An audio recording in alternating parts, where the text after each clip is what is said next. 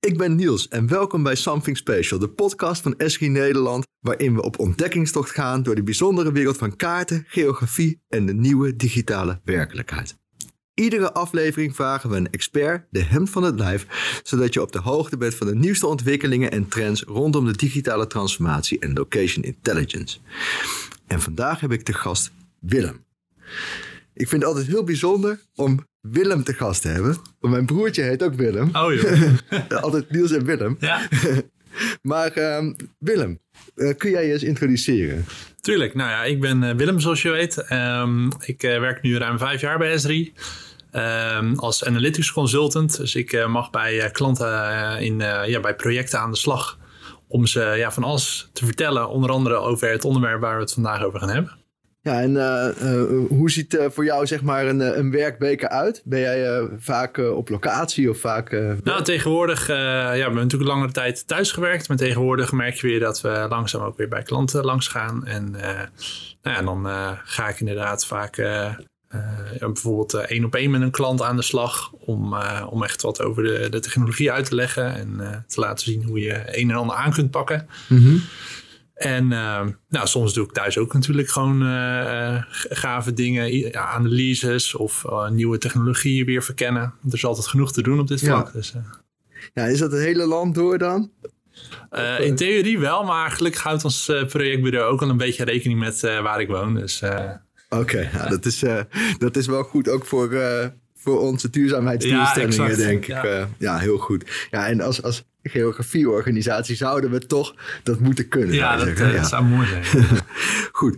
Ja, we gaan het vandaag hebben over het onderwerp GeoAI. Maar voordat we de diepte induiken, eh wil ik ga- gaan naar een rubriek eh, waarin we de luisteraars iets meer kennis laten maken met de gasten. En dat is een, een onderwerp wat we noemen mapsplaining.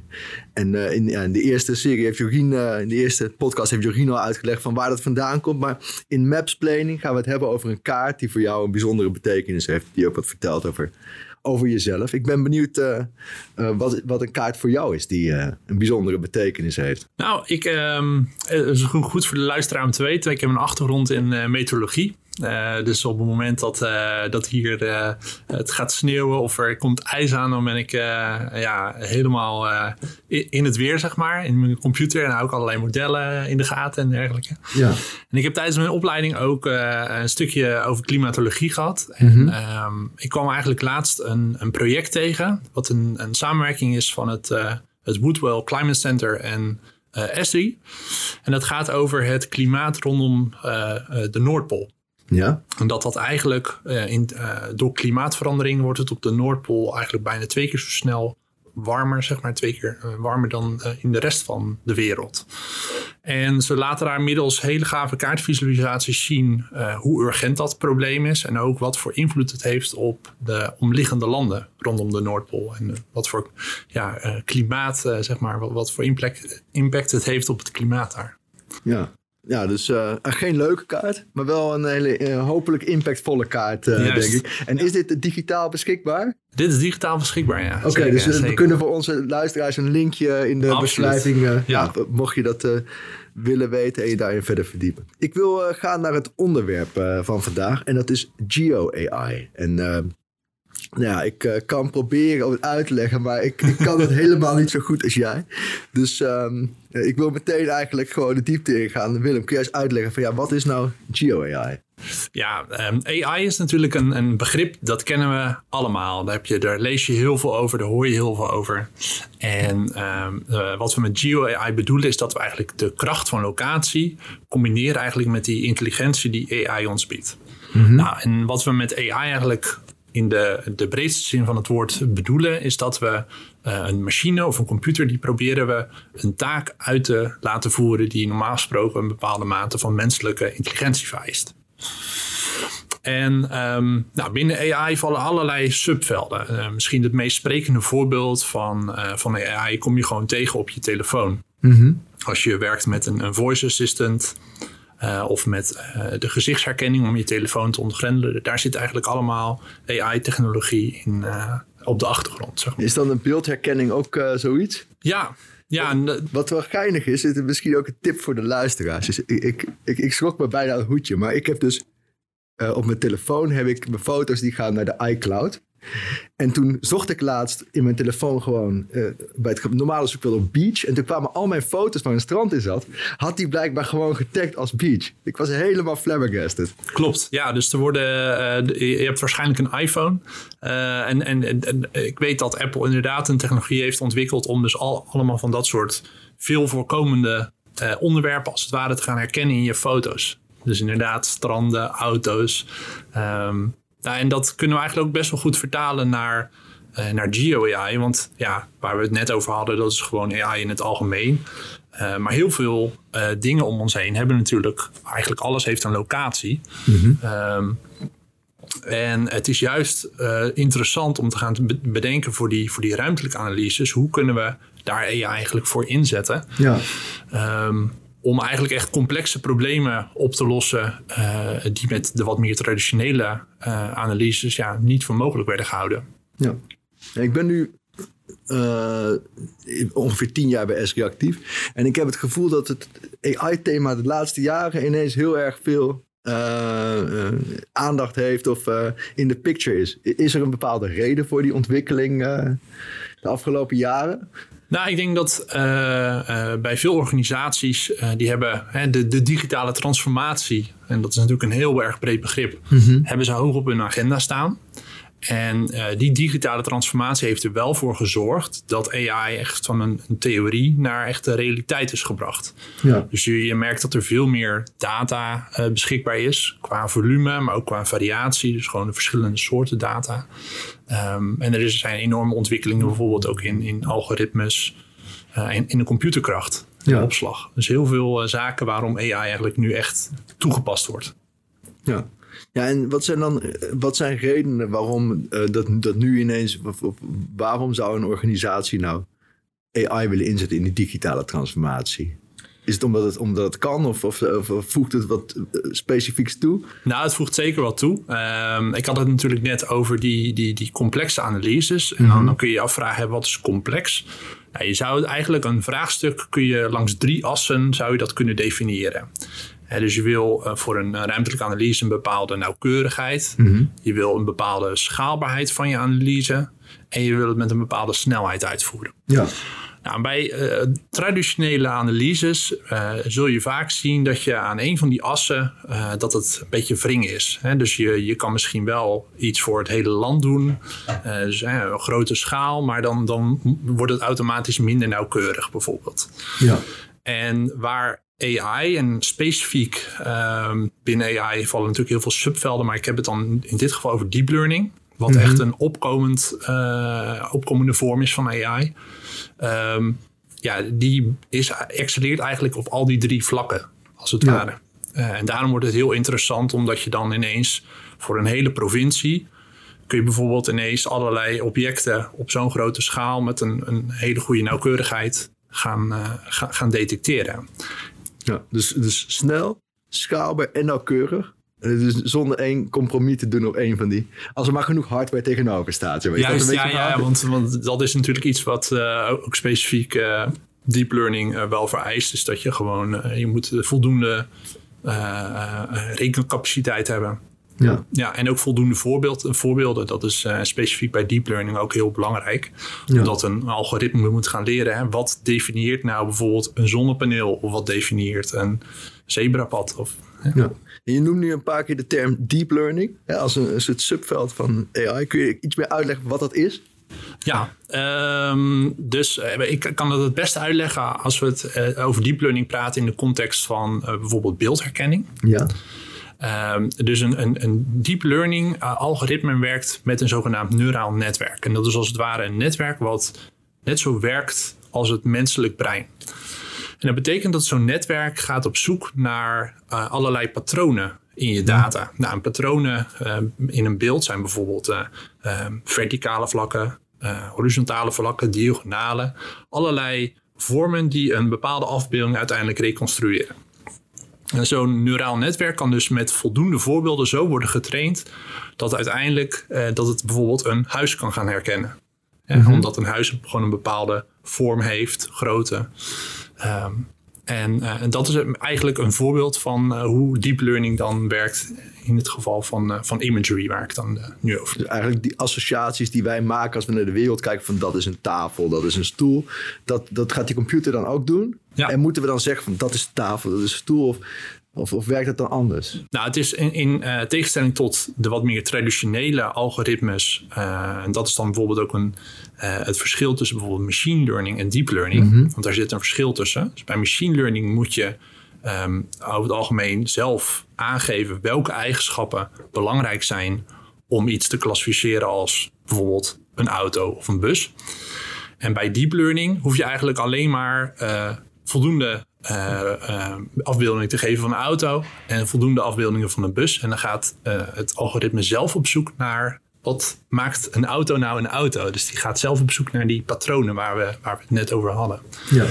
Ja. dus dat, dat stukje is veel meer geautomatiseerd, om het maar zo te zeggen. Ja, we hebben het over Geo AI. Je noemde net ook al algoritmes. Ik denk ook even de elephant in the room. Uh, eigenlijk wil ik even aanstippen van ja, als we het hebben over algoritmes, daar zal het ook wel een beetje uh, twijfels rondom of zo'n zo de sfeer van ja, hoe zit dat dan met ethiek? Hè? Van, gaat die computer dan niet keuzes maken die wij niet willen dat die computer maakt? Of, of, of zit ja. er, discrimineert dat ook? Hoe, hoe kijk je er tegenaan in het in nou, ik, ik kijk over het, algemeen, over het algemeen, zeg maar AI breed, denk ik dat het altijd een combinatie is van uh, de machine en de mens. Dus ik verwacht niet dat dat, dat iets helemaal compleet door een machine kan worden uitgevoerd.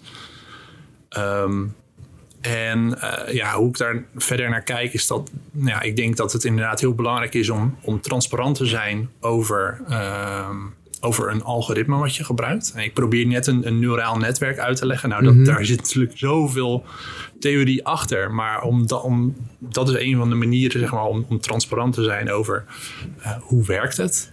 ja. En ook inderdaad aan te geven van hè, uh, de data waarmee een deep learning model bijvoorbeeld getraind is, ja, uh, omvat dat de hele uh, variabiliteit bijvoorbeeld in een populatie. Hè, dat is natuurlijk een, een bekend voorbeeld dat er bijvoorbeeld op basis van culturele verschillen, dat een, een, deep learning model een soort bias krijgt. Ja. Uh, en, en, daardoor ja, gewoon echt onmenselijke situaties bestaan. Ja, dus eigenlijk is jouw oproep van mens, uh, blijf de machine controleren. Laat dingen niet alleen aan de machine over. En ben er bewust van als je, als je gaat trainen. Of je misschien bepaalde uh, zeg maar bias gaat inbouwen. En ja, we hebben natuurlijk allemaal onze eigen bril. Misschien kunnen we het laten reviewen door iemand of zo. Dat, dat, dat helpt misschien. Ja. Um, maar in ieder geval bewustzijn is denk ik een belangrijk punt daar. Uh, daar. Maar ik wil eigenlijk een beetje een andere kant op. Namelijk van, uh, we hebben nu heel erg gehad over de techniek en, uh, en, en, en, een paar, en hoe het werkt. En uh, een paar hypothetische situaties rondom die ethiek. Maar hoe, je, je, bent consultant, jij komt heel vaak bij klanten. Ja. Dus wat voor cases zie je of toepassingen zie je in de praktijk hier nou van?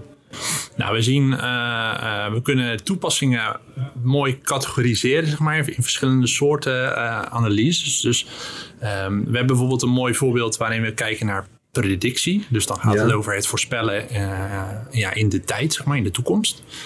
Nou, daar we, doen we op dit moment nog een, een project bij uh, Rijkswaterstaat. Dat heet uh, Smart Patrol.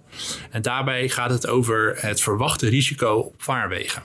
En dat gebeurt dan aan de hand van uh, weersvoorspellingen, maar ook over de eigenschappen van, uh, van vaarwegen um, en uh, verwachte scheepsbewegingen. Dus dat is een combinatie van allerlei data uit verschillende systemen. iets waar gewoon een gis natuurlijk algemeen heel krachtig in is om dat te combineren. Ja. met dat stukje voorspellend vermogen, om dus, omdat er een, een regressiemodel is getraind om al die verschillende lagen als het ware uh, samen te voegen en een voorspelling te kunnen maken van een risico. En dat wordt uiteindelijk gebruikt door mensen echt in het veld, of in dit geval op het water, ja. om echt naar uh, plekken te gaan ja, waar dan een bepaald verwacht risico, uh, een hoog risico is. Ja, bijvoorbeeld omdat er een storm op komst is en ja, je kans hebt dat schepen ineens zeg maar, misschien wel een brug ergens raken. Nou, dat soort situaties wil je natuurlijk allemaal voorkomen. Ja. Nou, dat is een, een mooi voorbeeld. Maar bedoel je dan heel concreet dat, dat, dat ze dat zo'n model gebruiken om te bepalen waar bijvoorbeeld morgen de sleepboten moeten liggen of zo. Ja, het gaat natuurlijk echt over het, het, het slim allokeren van je, van je vaartuig in dit geval. Ja. Dat je niet eigenlijk zomaar ergens heen vaart, om het maar eh, plat te zeggen.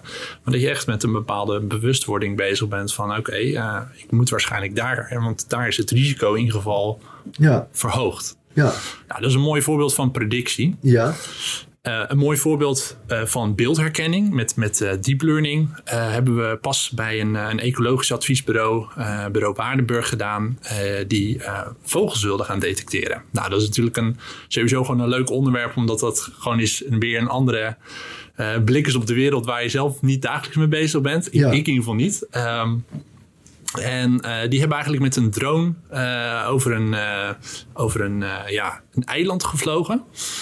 Hele hoge resolutiebeelden daarvan gemaakt. Ja. Nou, en daar kun je duizenden vogels in herkennen. En eigenlijk hebben we met hun verkend van kan een deep learning model nou eigenlijk die verschillende soorten vogels gaan herkennen. Ja. Met als doel om uiteindelijk een deel van het handwerk, of misschien wel he- het, het gehele handwerk, te kunnen vervangen. Want nu gaan er mensen hè, misschien naar zo'n eiland toe om ze allemaal te tellen of in ieder geval een schatting te maken. ja. Ehm, en eh, ja, met zo'n zo'n zo'n deep learning analyse eh, kun je dat eigenlijk eh, proberen zoveel mogelijk te automatiseren. Ja, ik zag ook een artikel erover in het magazine. Dus we hebben een linkje van Ja, toevoegen. ja, zeker. En dan was zag je zo'n zandplaat met allemaal vogels erop en allemaal van die vierkantjes eromheen dat ze gedetecteerd waren. Ja. En ook nog verschillende soorten. Klopt. dacht ik wel van ja, die, de Big Brother is watching you. eh, als Voor die vogels wel, ja, zeker. zijn. maar het, ja, dat, dat is natuurlijk wel, dat, dat, dat scheelt heel veel werk. En daarmee kunnen we natuurlijk ook die vogels veel beter beschermen en het leefgebied eh, eh, veilig houden. Ja, Ja, een mooie voorbeelden eh, die je daar hebt. En ik ben wel benieuwd als we nou... De afgelopen jaren is er enorm veel gebeurd op dit vlak. Maar welke kant gaan we nou op? Wat, wat zie jij nou voor de komende tijd gebeuren op dit onderwerp? nou ik merk dat eh, organisaties nog steeds, eh, steeds bezig zijn met het verder automatiseren van het gehele proces. Eh, echt om het onderdeel te laten ma- maken van hun, van hun werkproces. Ehm, nou, je ziet op technologisch vlak dat er eh, ehm, eh, bijvoorbeeld bij GUI is, is het onderwerp van herkennen van emoties uit tekst eh, en locaties uit tekst. Dat is nog maar best wel onderbelicht, zeg maar. En ik verwacht dat dat nog wel eh, nog wat meer aandacht gaat krijgen. Ja, En eh, ja, ook het, begrip eh, automated machine learning, automated deep learning. Wat gaat eigenlijk dat je een eh, analyse zo kunt samenstellen dat, dat die zelf op zoek gaat naar wat is nou het beste deep learning model voor. Of nou ja, het deep learning model met de hoogste nauwkeurigheid voor je vraagstuk. Met welke parameters dat dat automatisch eigenlijk wordt, eh, wordt bepaald. Dat is wel iets waar, eh, ja, waar we ook ontwikkelingen in zien. dus dan eh, automatiseer je niet het, het voorspellen, maar het leren van het, het leren ga je weer verder. Ja, Ja, oké. Ik ben wel ik, ik kan me voorstellen dat, dat mensen luisteren en denken van ja, weet je, dat, die, die AI of, of misschien wel machine learning, deep learning. Ik, ik zie best wel toepassingen in mijn werkveld waar ik naartoe zou willen passen. Wat, wat zou je mensen aan willen raden die hier een stap in willen zetten of hiermee aan de slag willen gaan? Ja. Ehm, nou, ik denk dat het heel belangrijk is om binnen je organisatie te gaan kijken naar... eh, zijn er afdelingen die hier al iets mee doen? En dus bij de wat grotere organisaties is dat vaak een, een da- data science afdeling. Ja. Nou, probeer daar een, een connectie mee, mee, mee te maken. Eh, eh, kijk of je van elkaar kunt leren. Eh, dus ja. of je het geodenken daar naar heen kan brengen. Eh, en, en dat je de intelligentie die in zo'n afdeling zit ook naar eh, de geografische vraagstukken kunt brengen. Ehm, verder zijn er eh, heel veel eh, artikelen of bronnen die je kunt naslaan. Wat ik zelf een, een gave bron vind eh, om eigenlijk inspiratie op te doen is, is op medium.com. Oké. Ehm, daar is een speciaal deel over GeoAI, waar ook heel veel ja, toepassingen, zeg maar, ook vaak vanuit Azure worden verteld. En als je wat breder wil kijken, eh, heb je op medium.com ook eh, een, een, een onderdeel dat heet Towards Data Science. Ja. En dat gaat echt over gewoon data science in het algemeen en over de ontwikkelingen die daarin zijn. Uh, dus dat vind ik zelf ook een heel fijn naslagwerk om, ja, om gewoon weer kennis op te doen. Want dat is ook belangrijk. Het is deels dus die connectie leggen intern. En ook gewoon kennis gaan opdoen over het onderwerp. Uh, en ja. daarvoor zijn ook vanuit, vanuit SI legio mogelijkheden om bijvoorbeeld via leerpaden dit soort dingen te gaan leren. Oké. Okay. Ja, ik volgens mij hebben we best wel een goed inzicht gekregen in jouw wereld van GeoAI. Ik vind het mega fascinerend. En volgens mij kunnen we hier nog heel veel sessies over, uh, podcasts over vullen, zeg maar. Nou, ja. Um, maar ja, het is ook uh, tijd om af te sluiten. Maar voordat we dat doen, laatste onderdeel. En eigenlijk heb je het misschien al een beetje aangeraakt. Maar we eindigen altijd met een kijk, lees, luister tip. Heb je nog één ding wat je mee zou willen geven? Of zou je zeggen medium.com, dat is het? Ja, dat is, dat is wel inderdaad mijn, eh, mijn, uh, mijn leestip. Uh, en, uh, en ga gewoon zelf aan de slag met oefeningen via, uh, via onze kanalen. Bijvoorbeeld op ArcGIS Learn zijn er hartstikke handige lessen, zeg maar, die je gewoon helpen om echt met dit onderwerp bekend te raken. Ja, nou, dankjewel. En ja, ik, ik heb heel veel geleerd in deze nou, podcast. Uh, en uh, ja, ik, uh, ik, ik ben echt benieuwd welke kant het op gaat hiermee. Want volgens mij kan dit heel erg veel helpen om dingen efficiënter te maken en, en, en betere inzichten te krijgen in, in van allerlei toepassingen. Dus ja. bedankt Willem. Nou, heel graag gedaan.